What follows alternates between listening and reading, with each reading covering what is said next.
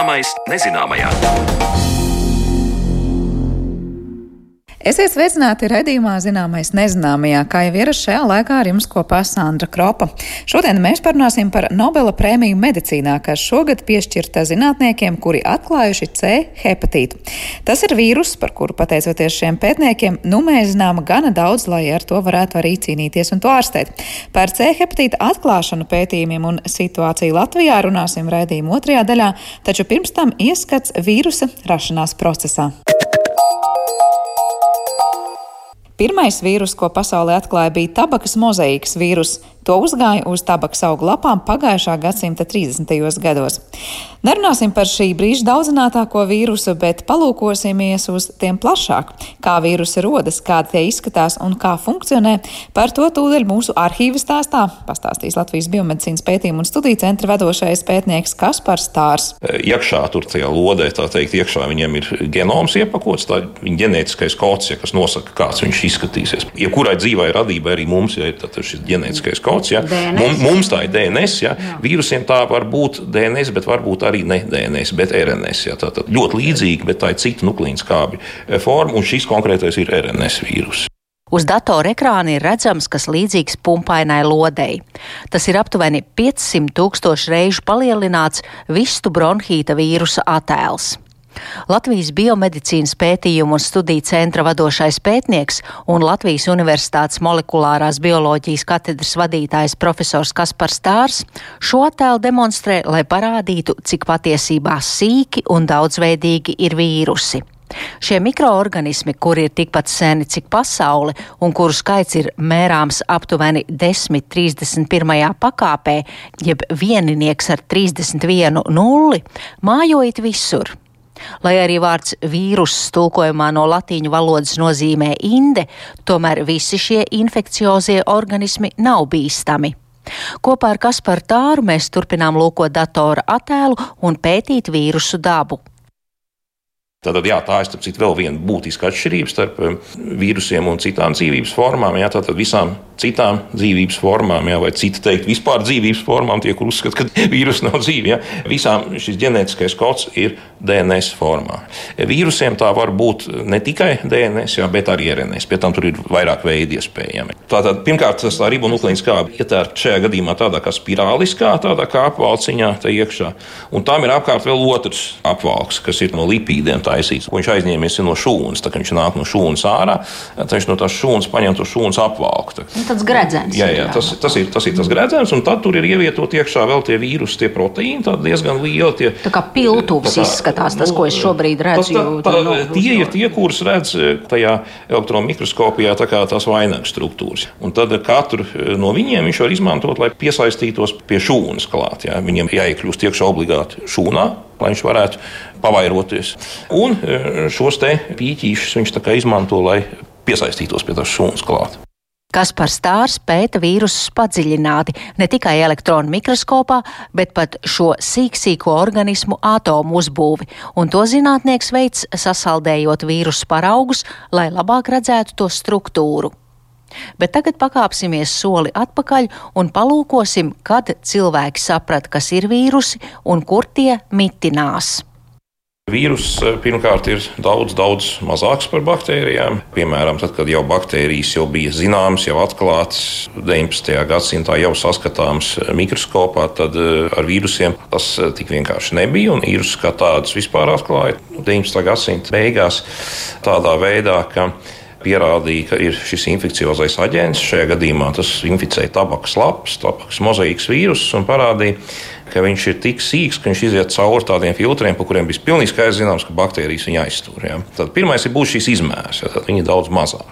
Otrs ir Atšķirībā no šūnām, viņi nespēja paši pa sevi funkcionēt. Viņiem ir obligāti jāatrodas iekšā kaut kādā citā dzīvā šūnā. Cita šūna var būt mūsu organismu šūna, tā cita šūna var būt baktērija. Tādā gadījumā to vīrusu sauc par bakteriofāgu. Un šī iemesla pēc daudzi zinātnieki uzskata, ka vīrusus īstenībā nevar uzskatīt par dzīviem. Jo viņi paši par sevi, jā, paši par sevi viņi nav iekšā citā šūnā, viņi nekādus īpašos procesus veikt nevar. Es gan piedaru laikam pie tās zinātnieku kategorijas, kas uzskata, ka vīruss tomēr ir dzīve, neskatoties uz to, ka viņi var eksistēt tikai šūnās, viņiem tomēr ir pati galvenā dzīvības iezīme tas būtu spēja vairoties. Un to viņi var darīt, lai gan tikai ar šūnu, citu šūnu palīdzību.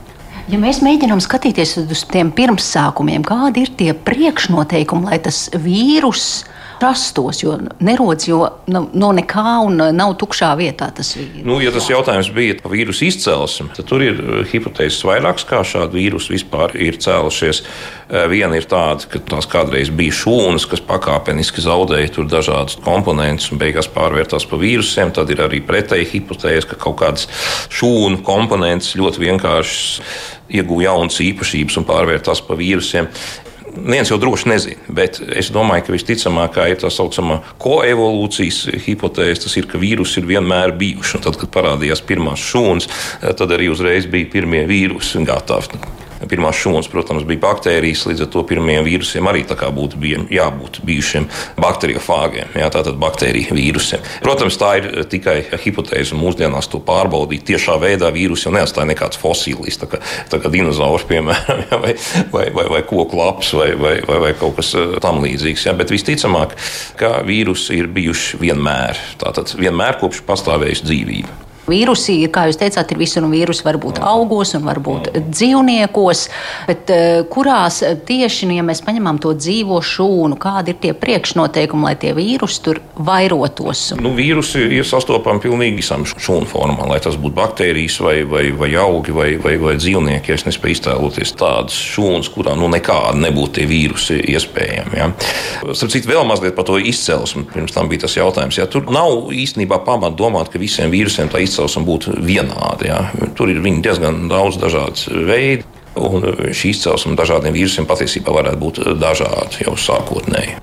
Kā jūs teicāt, vīrusi ir daudz, daudz mazāks par baktēriju, un tie ir saskatāmi elektronu mikroskopā.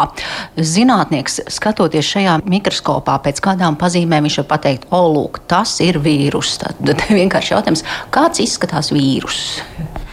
Nu, vīrusiem tā morfoloģija, tas izskats var būt diezgan dažāds. Eh, var izšķirties gan pēc izmēra, gan pēc eh, formas. Ir tādi vīrusi, kas atgādina tādus kā daudzskalņus, ir tādi, kas atgādina nūjiņas. Eh, ir arī tādi mazliet neregulārs formas vīrusu pēc ārējā izskata. 20. gadsimta otrajā pusē, attīstoties zinātnē un tehnoloģijām, atklāja lielāko daļu no aptuveni 2000 šobrīd zināmajām dzīvnieku, augu un bakteriālo vīrusu sugām. Atklājumi turpinās, un vīrusi turpina izraisīt gan jaunus izaicinājumus zinātniekiem, gan jaunus draudus pasaulē. Par to, kā un kāpēc rodas vīrusu, stāstīja Latvijas biomedicīnas pētījuma un studiju centra vadošais pētnieks Kaspars Stārs, un ar viņu tikās Zane Lāce. Bet par C hepatītu mēs parunāsim raidījuma turpinājumā.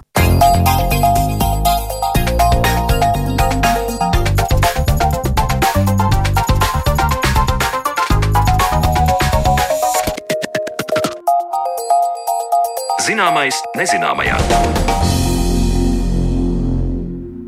Raidījuma turpinājumā solītā saruna par šī gada Nobela prēmijas laureātiem medicīnā. C hepatīta atklāšana un pētījumi par to būs mūsu uzmanības lokā arī atlikušajā raidījuma pusstundā. Un, lai par to runātu, mūsu attālinātajā studijā esam aicinājuši sarunu Latvijas Universitātes asociēto profesoru un Rīgas Austrum Kliniskās Universitātes slimnīcas Latvijas infektuoloģijas centra aknu slimību nodaļas vadītāju Ievu Tolmanu. Labdien, Ieva! Labdien! Un arī Rīgas Tradiņu Universitātes infektuoloģijas katedras docents šīs pašas slimnīcas stacionāra gaļazars ambulatorās nodaļas ārsta un infektuoloģija, hepatoloģija sniedzi laivacumu. Sveicināts sniedz arī jums! Sveiki! Vispirms jautājums, kā jūs vērtējat nu, šī gada Nobela prēmijas laureātu guvumu, ja tā var teikt? Tas ir kaut kas, kas ir ilgi gaidīts un, un pamatots, vai pārsteigums, ka šogad Nobela prēmija medicīnā tieši par C hepatītu atklāšanu un pētīšanu? Sniedz, sākšu ar jums. Um, jā, Ne, nu, es domāju, ka tas nav liels pārsteigums, jo šie kolēģi, kur ir šīs, šo Nobela prēmiju saņēmuši, viņiem patiesībā ir ieguldījums arī B hepatīta vīrusu izpētē un arī D hepatīta vīrusu izpētē. Un varbūt tas pārsteigums ir, kāpēc tik vēlu un kāpēc tieši tagad, bet es domāju, ka noteikti pelnīti. Ieva, kā jums? Nu, es eh, piekrītu arī noteikti, tas ir pelnīti. Pats C hepatīta vīrus jau tika atklāts 1989. gadā, tā kā uh, labs laiks brīdis ir pagājis. Bet iespējams, ka tas ir noticis šobrīd tāpēc, ka uh, Pasaules veselības organizācija arī ir pievērsus uzmanību C hepatīta problēmai un ir uh, uz, nospraudus mērķi līdz 2030. gadam uh, likvidēt C hepatītu pasaulē kā nopietnu draudu veselībai. Un šobrīd arī ir, nu, par to varbūt mēs runāsim arī vēlāk, ir ļoti labi iespējama ārstēšana, un, un līdz ar to tā uzmanība tiek pievērsta, jo tādā veidā mēs varam pacientus pasargāt no ļoti nopietnām slimībām. Bet, ja mēs runājam tieši par pagaidām vēl šo atklājumu, pētījumu, uh, parasti saka tā, nu jā, tie, kas saņem Nobela prēmiju, nebūtu nav vienīgie, kas ir bijuši klāt tam lielajam sasniegumam. Kā ir šajā gadījumā, C hepatīta gadījumā, vai tiešām šie trīs kungi, tad atgādināšu, ir ASV virusologi Harvijs Alterns un Čārls Rais, kā arī viņa britu kolēģis Maikls Hutons, kurš ir saņēmis apbalvojumu. Uh, Kā ir ar to C hepatītu atklāšanu? Viņi bija tie celmlauži, vai tomēr apkārt viņiem bija vēl citi, kur arī būtu bijuši pelnījuši šo Nobel prēmiju?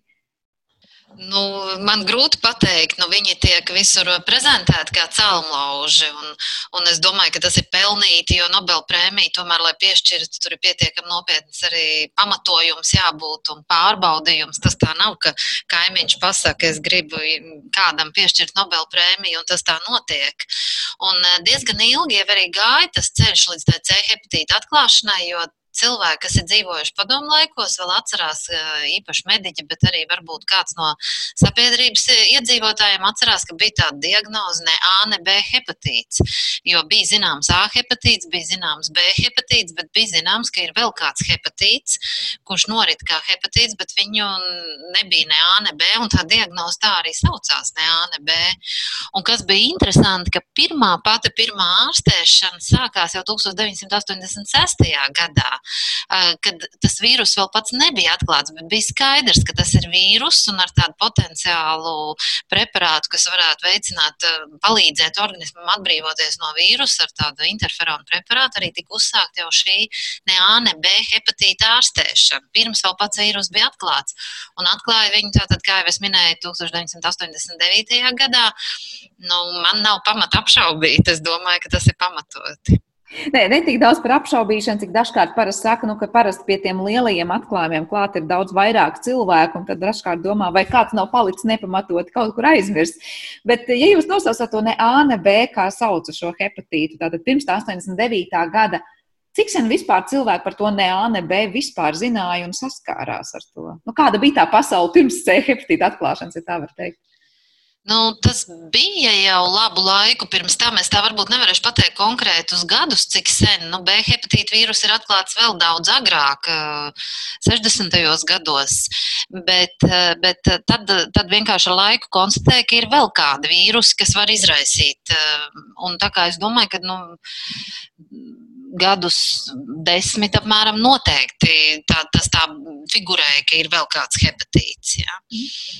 Mm. Sniedz, jums ir kāds komentārs par to pasauli pirms C hepatīta atklāšanas? Nē, nu, es, prot, es piekrītu profesorei uh, par to, ka, jā, ka tie bija apmēram desmit gadi, jo es te nedaudz ieskatījos vēsturē, gatavojoties šai sarunai par to, ka, jā, ka šis viens no zinātniekiem, tas Alters, kas ir britu zinātnieks, viņš arī bija tas, kurš faktiski bija viens no pirmajiem, kas sāka lietot to terminu ne A, ne B hepatīts, uh, jo viņš daudz strādāja ar. Uh, ar, ar pacientiem, kuriem tika veiktas asins pārliešanas.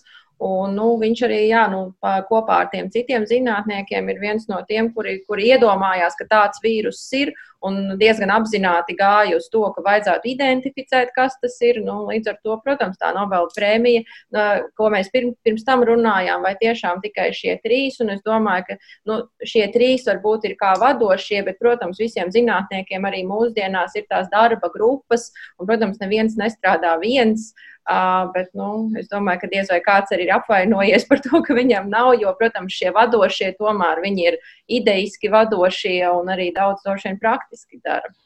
Bet vai šie trīs strādāja savstarpēji tā kā visu laiku saistīti un viens otru papildinot, vai tās bija tādas trīs dažādas, savstarpēji pat kaut kādā konkurējošas grupas, kas kaut kādā mērā mēģināja tikt pie rezultāta?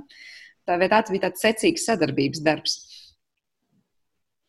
Mm, varbūt, ja, ja, ja man atbildēt, tad nu, cik es esmu par to skatījusies, ka nu, es neesmu redzējis, ka tas būtu kaut kā konkurējoši, bet vienkārši kā arī mūsdienās daudzas problēmas zinātnieki dažādās valstīs.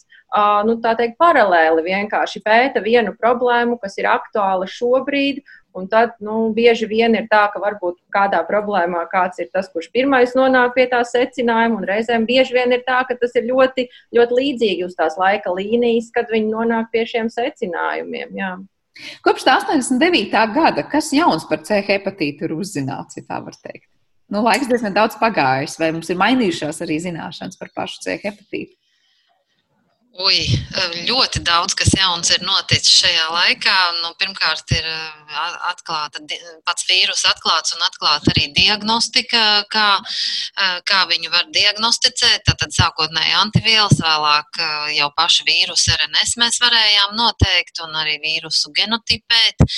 Bet kas ir vēl interesanti, ka šo vīrusu arī nemaz tik viegli nav elektronu mikroskopā ieraudzīt. Un, un viņa attēls ir faktiski izveidots izveidots, uz, uzzīmēts balstoties uz tām antigēnajām struktūrām, uz tām nukleīnu skābēm, kuras ir nosakāmas. Viņš pats kā tāds nemaz nav, nav redzams tajā elektronu mikroskopā. Nu, un, un, protams, kad ir noskaidrots, kā viņš tiek pārnests, ir zināms, cik viņš ir izturīgs ārējā vidē, ārpus cilvēka organisma, kā viņš vairojās. Tas vīrus, starp citu, ir ārkārtīgi strauji vairojošs. Viņa pusdzīves periods ir 2,7 stundas. Tas nozīmē, ka no visiem vīrusiem, kas tiek saražoti, 2,7 stundu laikā puse ir aizgājusi jau bojā. Un vienas diennakts laikā veidojās 10 triljoni jaunu vīrusu.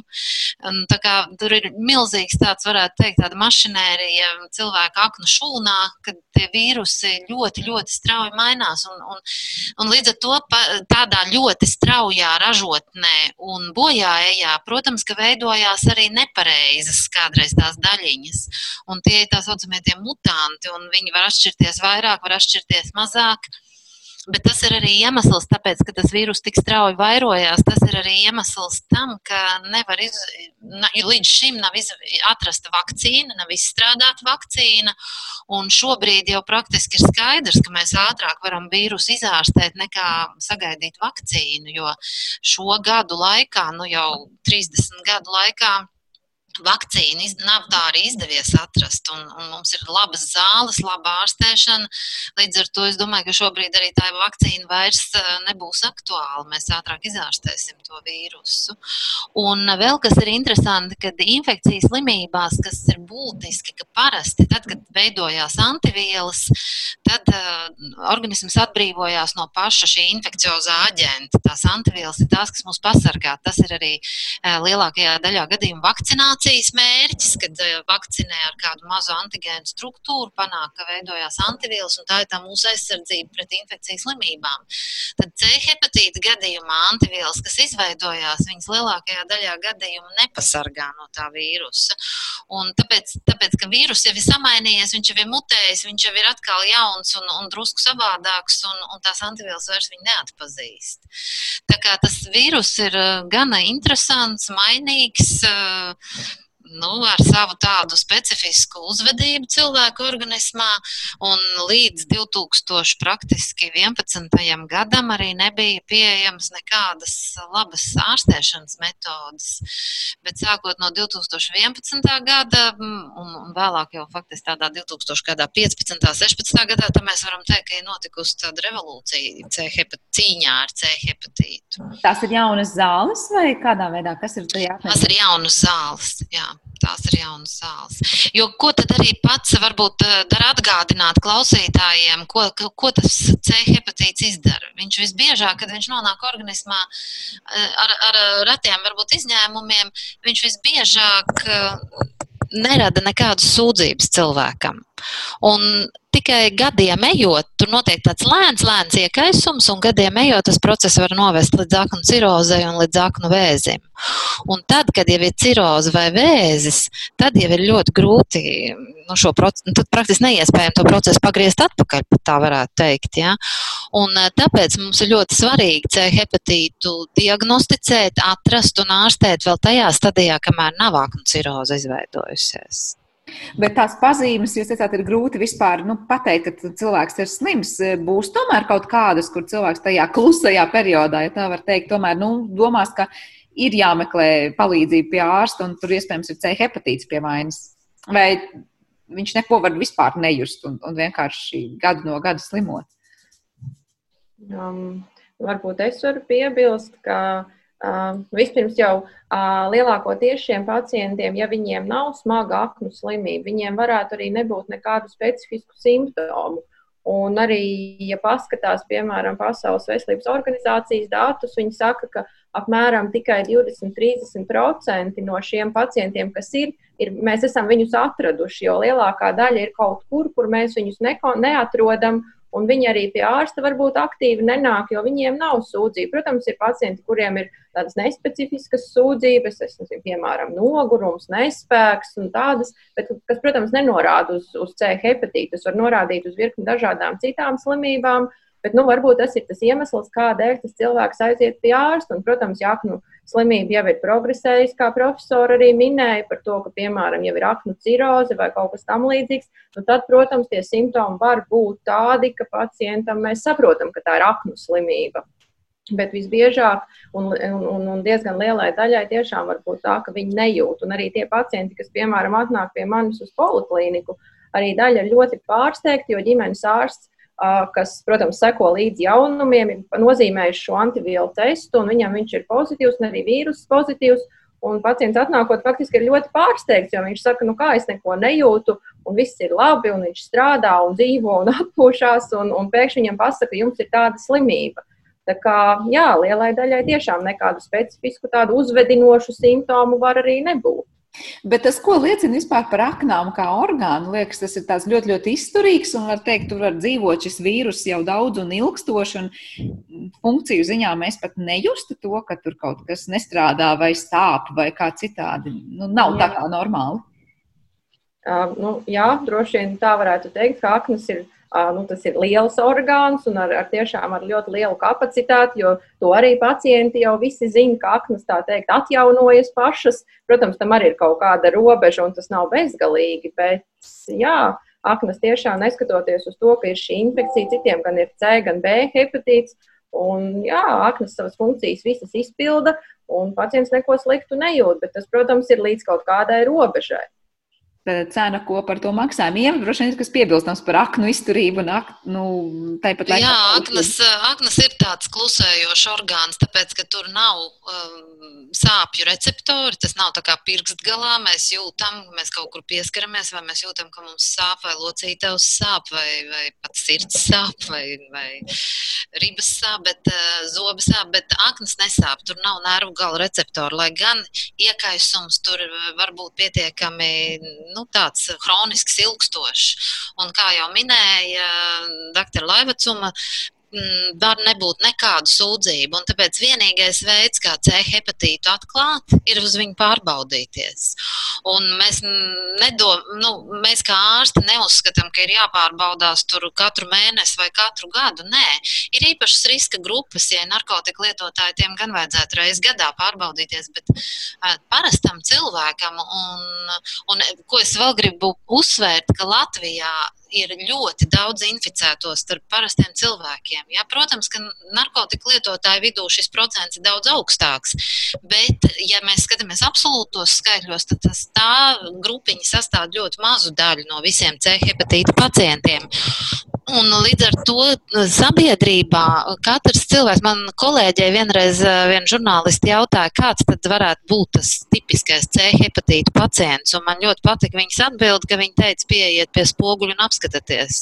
Tas ir tipiskais C hepatīta pacients. Tas nozīmē, ka jebkurš Latvijā var būt ar C hepatītu inficēts. Un līdz ar to vienīgais veids, kā mēs varam zināt, vai ir vai nav C hepatīts, ir pārbaudīties. Ja? Un ir vairāki veidi, kā to izdarīt. Ir, ir veids, kā to izdarīt, ir iet pie ģimenes ārsta, var nodot šo skrīningu analīzi, to antivielu testu. Ja?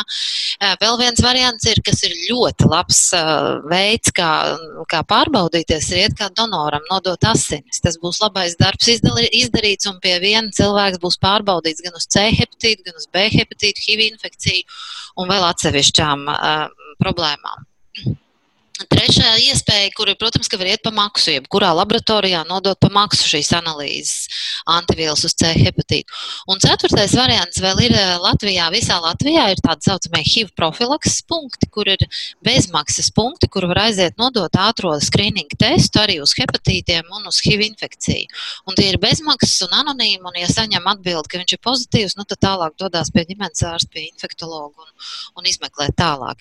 Vēl jāatcerās, ka tas pirmais skrīnings skrīninga tests, tas ir tāds skrīnings, tās antivielas, un tā vēl, tas vēl nenozīmē, ka tā ir slimība. Mums ir jāmeklē tālāk, jā, jāveic papildus izmeklēšana, vai ir pats vīrus, paša vīrusa RNS, un to jau var izdarīt vai nu pie ģimenes ārsta vai pie infektologa. Jūs nevēlat piesaucāt gan A, gan B, gan C hepatītus tagad kopā. Varbūt pavisam vienkārši ar ko atšķiras visi šie hepatīti viens no otra? Sniedzam, varbūt jūs? Um, Ar ko viņi atšķirās? Um, atšķirās pirmkārt ar to, nu, kāds ir viņu ģenētiskais materiāls, jo lielākā daļa hepatīta vīrusu ir tā saucamie RNS vīrusi, un B hepatīts ir DNS vīrusu. Tādēļ tas varbūt ir sarežģītāks un izraisa tādu nu, sarežģītāku un grūtāku ārstējumu saslimšanu. Bet par to droši vien kādā citā reizē. Um, Viņi atšķirās arī pēc tā, kāda ir uh, slimības gaita. Piemēram, mēs zinām, ka A hepatīts uh, ir tikai akūta slimība. Tas nozīmē, ka cilvēks inficējas. Uh, tā slimības gaita, kāda nu viņa ir un ir, un slimība noslēdzas. Un, teiksim, šis vīrus nevar izraisīt chroniskas slimības. Savukārt uh, B un C vīrusi var izraisīt gan akūtu, gan arī uh, ja pacients neatbrīvojas no šī vīrusa, tātad un, un kopā ar vīrusu nav izzudis apmēram sešos mēnešos, tad var teikt, ka viņiem attīstās infekcija, chroniskā infekcijas fāze. Um, D vīrus ir īpatnējs ar to, ka viņam ir nedaudz savādāks tas, tas vīrus, ap, viņam nav vīrusa apvalciņa, un D vīrus var būt tikai tad, ja organismā ir B hepatīta vīrus. Um, E-hepatīta vīruss arī, dzen, varbūt par to Latvijā tik daudz nerunā, bet tagad jau, manuprāt, sāk runāt. Tas vairāk ir tur, dažādi endēmiskie reģioni, teiksim, Dienvidāzijas valstīs, kur tas ir populārāks. Tas ir arī, tas varbūt nav tik daudz izpētīts šobrīd, jo agrāk uzskatīja, ka tas ir līdzīgs A hepatīta vīrusam, bet tagad mēs zinām, ka viņš tomēr ir arī spējis izraisīt kroniskas slimības un tam līdzīgi. Um, nu, tāda slimības gaita, nu, tāda. Kodu? Cik tad kopā to hepatītu vispār ir zināms? Varbūt profesori, jo konkrētu ciparu es šobrīd pateikt, godīgi sakot, nevaru. Nu, ir vēl tāds G, TT, GB, nu, dažādi viņas nosauc, un es domāju, ka ir vēl kādi. Ir, protams, arī vēl citi vīrusi, ir saucamie Epstein-Bāra vīrusi un, un citu megalu vīrusi, kas arī var radīt aknu bojājumu. Bet, nu, tādi klasiskie hepatītu vīrusi, tie iepriekš nosauktie, e, visticamāk, kad ir vēl kāds, ko mēs vienkārši nezinām, jo mums mēdz būt tādi saucamie nediferencētie hepatīti, mums mēdz būt hroniski hepatīti, kam mēs īsti neredzam iemeslu, mēs nezinām. Tā kā visticamāk, ka ir vēl kāds, un iespējams, ka nākotnē mēs uzzināsim par vēl kādu vīrusu. Un kuriem no visiem hepatītiem šobrīd ir pieejamā vakcīna? Tas ir A hepatīts ceļojumos arī. Jā, nu ir vakcīna pret A vīrusu hepatītu un arī vakcīna pret B vīrusu hepatītu. Un šī B vīrusu hepatīta vakcīna vienlaicīgi pasargā arī pret D hepatīta vīrusu. Bet... Un uh, ir arī vakcīna faktiski. Uh, arī pret e-hepatītu, bet nu, tur tie dati diezgan tādi. Um, Es teiktu, neviennozīmīgi, un tā vakcīna arī, kas tiek izmantot arī valstīs, kur vairāk šī hepatīta ir. Un, manuprāt, Latvijā noteikti, un, manuprāt, lielākajā daļā Eiropas šī vakcīna nav pieejama. Un, nu, nav arī īsti skaidrības par to, cik ilgi viņa darbojas, cik ilgi nodrošina imunitāti. Bet nu, tā droši var teikt, ka mēs varam vakcinēties pret A un B vīrusu hepatītu un iegūt arī imunitāti pret D hepatītu. C joprojām, kā jūs arī pirms tam teicāt, laikam jau jūs teicāt, ka nu, tās vakcīnas nav un izārstēties pat ir šobrīd izskatās ātrāk nekā vakcinēties. Par to ārstēšanu runājot, jūs teicāt arī tās zāles, kas ir kļuvušas daudz labākas no tā 11. ja nemaldos 13. gada. Jūs teicāt, kas tieši tajos medikamentos ir mainījies? Ir kaut kas pilnīgi cits darbības princips, kāpēc tās ir tik labas? Jā, tas ir pilnīgi cits darbības princips. Un vispār jau jāsaka, tā tiešām tiem, kas strādā infektuoloģijā, hepatoloģijā, ir milzīgs tāds, nu, kā var teikt, kā diena pret nakti šī jaunā terapija, vai kā mēs dažreiz sakam, pat tāda revolūcija. Tie doktori, kas ir strādājuši agrāk ar šīm vecajām zālēm, mēs visi zinām, vecās zāles bija faktiski tas bija viens arī pretvīrus preparāts, un otrs bija tas saucamais interferona preparāts, kas organismam palīdz cīnīties ar vīrusu. Viņš tieši nedarbojas varbūt kā pretvīrus, bet viņš palīdz organismam cīnīties. Bet šīs zāles bija jālieto no pusgada līdz gadam, tātad salīdzinoši ilgi, viņas bija špricējamas, un viņas deva ļoti daudz blakus parādību. Man faktiski laikam pa tiem gadiem nebija neviens pacients, kuram nebija nekāda blakus parādību. Un kas pats galvenais, ka tie pacienti ārstējās, viņi špricē, viņi saņem terapiju, viņiem ir daudz blakus parādību, ilgstoši, un pabeidzot terapiju, tikai pusi izārstējās. Tātad pēc gada vai pusgada terapijas tikai pusē mēs varējām redzēt, ka nu, tā vidēji puse apmēram izārstējās. Un tā bija ļoti ilgstoša un visā pasaulē. Un 2011. gadā ienāca pirmie tā saucamie proteāžu inhibitori vai jau pretvīrusu medikamenti, kurus nelietoja atsevišķi, bet viņus pievienoja klāt pie esošās terapijas, un viņi nedaudz paaugstināja to izārstēšanās procentu, bet viņus jau šobrīd ar vairs nelieto šos pirmos. Bet 2015. Eh, gadā pirmais bija reģistrēts jau šī brīža esošais arī viens no vadošajiem medikamentiem. Un nu, jau viņu ir eh, vairāki, daudz, nu, pat varētu teikt, pietiekami daudz. Un viņus lieto kombinācijās pat divi, pat trīs vai pat dažreiz par četriem preparātiem, un tie ir tieši pret vīrusu preparāti. Viņi darbojās uz dažādām šīs vīrusu vairošanās fāzēm. Tas, tas nozīmē, ka viņi nobloķē kaut kādu fermentu, kurš palīdz vīrusam sintēzēties. Un, ja šis ferments tiek nobloķēts vairākās vietās, un dažādi fermenti, tad arī mēs bloķējam vīrusu sintēzi, un viņš vairs neveidojās un neražojās. Un viņi ir ļoti efektīvi. Tie ir tabletēti medikamenti, viņi ir labi panesami un izārstējās 95, 96, 98%. Un arī Latvijā viņi ir pieejami. Tā ir faktiski nu, tāda revolūcija visā pasaulē. Mums arī Latvijā viņi ir pieejami sākot no 2016. gada. Mēs pacientus varam ārstēt eh, ar simtprocentīgu valsts kompensāciju. Un te jāsaka arī ļoti veiksmīgi ir bijusi sadarbība ar, ar valsts institūcijām, ar veselības ministrijā, Nacionālo veselības dienestu, un mums šīs zāles ir iekļautas kompensējumu zāļu sarakstā, mēs tiešām varam ārstēt. Līdz ar to es uh, izmantojot šo raidījumu, pat uh, gribu tiešām teikt uh, cilvēkiem, kas zina, ka viņiem ir C hepatīts, bet kas varbūt agrāk nav ārstējušies dēļ šīm vecām zālēm, vai varbūt ir ārstējušies un nav bijis efekts, un viņi ir atmetuši ar roku. tad šis ir tas brīdis, kad tiešām ir jānāk pie ārsta un, un mēs gandrīz visus varam ārstēt. Savukārt tie cilvēki, kuriem nekad dzīvē nav noteikts, vai viņiem nav bijusi, vai viņiem nav C hepatīts, viņiem vajadzētu aiziet uz kādu no šīm četrām vietām, ko es iepriekš minēju. Un, nu, vienkārši veikt skrīninga analīzi un saprast. Un, ja gadījumā tas C hepatīts atklājās, absolūti nevajag krist panikā, bet vajag eh, doties pie ģimenes ārsta, pie infektologa un ārstēties. Jo svarīgi ir izārstēties, kamēr vēl nav aknu ciroze. Un, eh, ja ir aknu ciroze, tad tas ir risks arī aknu vēzim. Un, diemžēl mums ir pietiekami daudz pacientu ar aknu cirozi, ar aknu vēžiem, kuriem tajā periodā jau ir eh, salīdzinoši grūti palīdzēt. Cik ilgs laiks paiet no tā, ka tas ir neārstēts hepatīts vai ārstēts hepatīts, uh, un ka var iestāties tā aknu ciroze? Tie ir gadu gadi vai tie var būt pat mēneši? Parasti mēnešu laikā tas nav. Tas parasti ir vairāku gadu laikā. Mm, tas var būt pat 15, 20 gadu laikā, bet, ja cilvēks ir inficējies, piemēram, 20 vai 30 gadu vecumā, tad viņam jau 40, 50 gados var būt aknu ciroze. Eh, savukārt, ja paralēli vēl tiek lietots alkohols vai ir kādi citi medikamenti vai kādas citas aknu slimības, tad eh, līdz aknu cirozē var novest arī process daudz ātrāk. Tā kā it kā tas liekas, tas nav ātri, un, ja tiek diagnosticēts C hepatīts, tā nav situācija, kur akūti rīt jāsaņem ārstēšana. Nē, mierīgi jāpierakstās pie ģimenes ārsta, pēc tam pie infektologa, un tas vienkārši jādara. Ja? Tā nav akūta lieta, kas jā, jāsāk ārstēt rīt, bet, bet tas jādara. Bet jā, to nevajag gadiem vilkt. Eh, bet jūs minējāt par to veco ārstēšanas metodi, kad bija daudz blakus, blaknes. Kā ar šīm var teikt, ka tur cilvēkam tiešām ir droši nav jārēķinās ar to, ka tās zāles izārstēs, bet blakus radīs kaut kādas citas saslimšanas?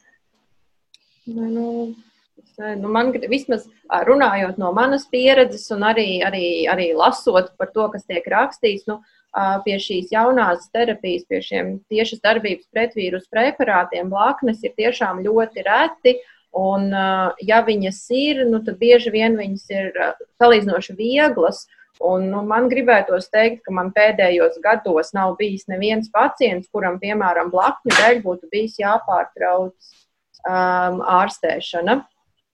Uh, jūs pieminējāt pēdējo gadu laikā, vai jūsu konkrēti praksē ir vairāk, uh, nu, iespējams pateikt, ka ar, ar gadiem mums cilvēki, kas saskars ar C hepatītu Latvijā, ir vairāk, vai tur īpaši izmaiņas nav? Sniedz arī, kā jums, jums ir vairāk cilvēku, kas ar C hepatītu saskars Latvijā pēdējā laikā? Um, Nē, nu, grūti pateikt, vai tas ir vairāk, bet es, nu, Patiesībā pacientu ir vairāk, bet es domāju, tas nav tādēļ, ka viņu pa īstam ir vairāk, bet tādēļ, ka tomēr par to tiek runāts vairāk un vairāk, un mēs viņus vienkārši veiksmīgāk atrodam, un ģimenes ārsti, piemēram, viņus biežāk testē, un viņi biežāk nonāk līdz infektologam. Bet, nu, jā, ir vairāk, un, un Un tas ir labi patiesībā, ka viņi ir vairāk. Nu, tā jānozīmē, ka tie, kas ir slimi, atnāk un ārstējās. Iela, kā jums, kā, kā ir sajūta, vai mums Latvijā kļūst vairāk cilvēku slimo vai vairāk, kas nonāk līdz ārstiem? Es varu teikt, tā, ka viņu vienkārši ir daudz. Viņi bija daudz pirms desmit gadiem, viņu ir daudz arī šobrīd. Un mums pie infektologiem ir rindas, hepatīta pacienti arī gaida rindā, bet vēlreiz gribu uzsvērt, tā, tā mēneša vai divu mēnešu rinda, tā nav nekāda traģēdija C hepatīta gadījumā, to var pagaidīt, ja? bet vienkārši ir jānāk un, un līdz ārstēšanai tiks, bet viņu ir daudz. Ja? Mums, ko darīt, ir, ir ļoti daudz. Ja? Un mēs esam infektologi C hepatītu ārstē gan, gan gan Austrum slimnīcā, gan Stradiņas slimnīcā, gan Daugopilī, gan, gan Liepājā. Ja, tā kā reģionos arī ir infektologi, kas ar to nodarbojās, bet šo pacientu ir ļoti daudz. Nu, piemēram, pagājušajā gadā mēs ārstējām aptuveni 3000 pacientu gadus. Ja? Nu, mums Latvijā pēc, pēc epidemioloģiskiem datiem ir doma, ka varētu būt ap 40 tūkstoši C hepatīti inficēto cilvēku. Un, protams, kaut kāda daļa izārstējās un kaut kāda daļa inficējās no jauna klāt, bet jo mēs vairāk izārstējam, jo katrs izārstētais pacients vairs nav infekcijas avots, un viņš nevar nodot nākamajam. Jo, ja, piemēram, nu, kur var nodot, nu, tas ir galvenokārt ar asinīm, protams, ja? un tas ir piemēram, nu, kur ir saskara ar asinīm, ar dažādas kosmētikas procedūras. Tas ir manikīri, pedikīri, tetovēšanas, bet, nu, jāsaka arī, ka medicīna nav pilnīgi ideāla, un arī medicīnā šur tur ir vājās vietas, un, un varbūt arī medicīnā var inficēties. Līdz 1992. gadam arī asins pārliešana laikā varēja inficēties, jo nebija vēl test sistēmas un nepārbaudīja. Šobrīd tas ir kā, izslēgts, šobrīd to nevar. Nu, medicīnā nekas nav simtprocentīgs, bet principā visas asins tiek pārbaudītas un tādas lietas nenotiek. Bet, eh, bet eh, nu, diemžēl ir vēl kur inficēties. Ja? Un, ja, ja piemēram, cilvēks aiziet pie manikīra meistara, kuram pirms tam, tikko pirms tam ir bijis pacients ar C hepatītu, nu, tad viņam ir ļoti liela iespēja dabūt to C hepatītu. Ja? Kā, tā kā vēl, vēl ir, un, un, un tāpēc katrs izārstētais pacients nav, tā, tas nav ieguvums tikai tam konkrētam cilvēkam, tas ir ieguvums visai sabiedrībai, jo viņš vairs nevar inficēt citus. Kas attiec uz seksuālo ceļu, tad C hepatīta gadījumā seksuālā ceļā tas risks inficēties ir zemāks, īpaši, ja tās ir monogāmas attiecības starp diviem cilvēkiem, kas ir ilgstoši kopā, un mums arī agrākos laikos bija diezgan daudz tādu pāri, kur viens ir pozitīvs, otrs ir negatīvs, un, un, un ilgstoši tā arī ir. Protams, ja ir partneru maiņa, tad pieaug arī risks, jo tur ir dažādi citu infekciju risks, bet, nu, ja ir partneru maiņa, es domāju, ka tur jau tas šobrīd ir visiem zināms, ka tad ir jālieto aizsarglīdzeklis, un tas vislabākais ir prezervatīvs, jo tas pasargā no visām slimībām, ne tikai no, no C hepatīta. Vēl ko es gribēju piebirst, piebilst par tām blaknēm, ir jāsaprot tas, ka neviens medikaments mēs nekad nevarēsim pateikt, viņš ir simtprocentīgi drošs. Ja? Jebkuram medikamentam var būt individuāla reakcija, var būt, var būt kaut kāda arī pietiekami nopietna reakcija, bet mēs jau esam tiešām ārstējuši ar šiem preparātiem tūkstošus, un, un man arī nav bijuši pacienti, kuriem ir nopietnas blaknes. Vienīgais, kad mēs nevaram ārstēt, ja ir jau ciroze tādā tālā stadijā aizgājusi, ja, jo tad, diemžēl, tie medikamenti var būt pa daudz liels sloks aknai pašai, un, un tas var tā kā to aknu slimību pat pasliktināt, ja ir jau ciroze tādā gala stadijā. Tā kā, bet citādos, citos gadījumos man arī laikam nav bijis bijis neviens gadījums, kad pacients pārtrauktu kaut kā ārstēšanu, sakot, ka nē, šitās zāles nepamanās, es nevaru. Jā, nu šis tāds labs gadījums un piemērs tam, kā arī parādoties jauniem medikamentiem. Mums ir vēl viens veiksmes stāsts zinātnē, ne tikai pateikt, mēs labāk varam to ieraudzīt un beidzot noteikt, kas tas ir nevis ne A, ne B, bet gan C hepatīts. Un vēl jau vairāk arī uh, izārstēt tā, ka gan efektīvi ārstē, gan arī tas pats ārstēšanas process nerada tās nepatīkamās blaknes un sajūtas. Lielas paldies jums abām par šo sarunu! Teikšu Latvijas Universitātes asociētai profesorai un arī Rīgas Austrum Kliniskās Universitātes slimnīcas Latvijas infekoloģijas centra aknaslimību nodaļas vadītājai Ievai Tolmanai, kā arī Rīgas Stradiņa Universitātes infekoloģijas katedras docentei un Rīgas Austrum Kliniskās Universitātes slimnīcas stacionāra Gailezers ambulatorās nodaļas ārstei infekoloģijai sniedzēja laivacumai. Ar to arī raidījums ir izskanējis, par to parūpējās Sarmīta Kolāte, arī mūzikas redaktors Girds Bišs, bet jums kopā bija Sandra Kropa. Uz tikšanos!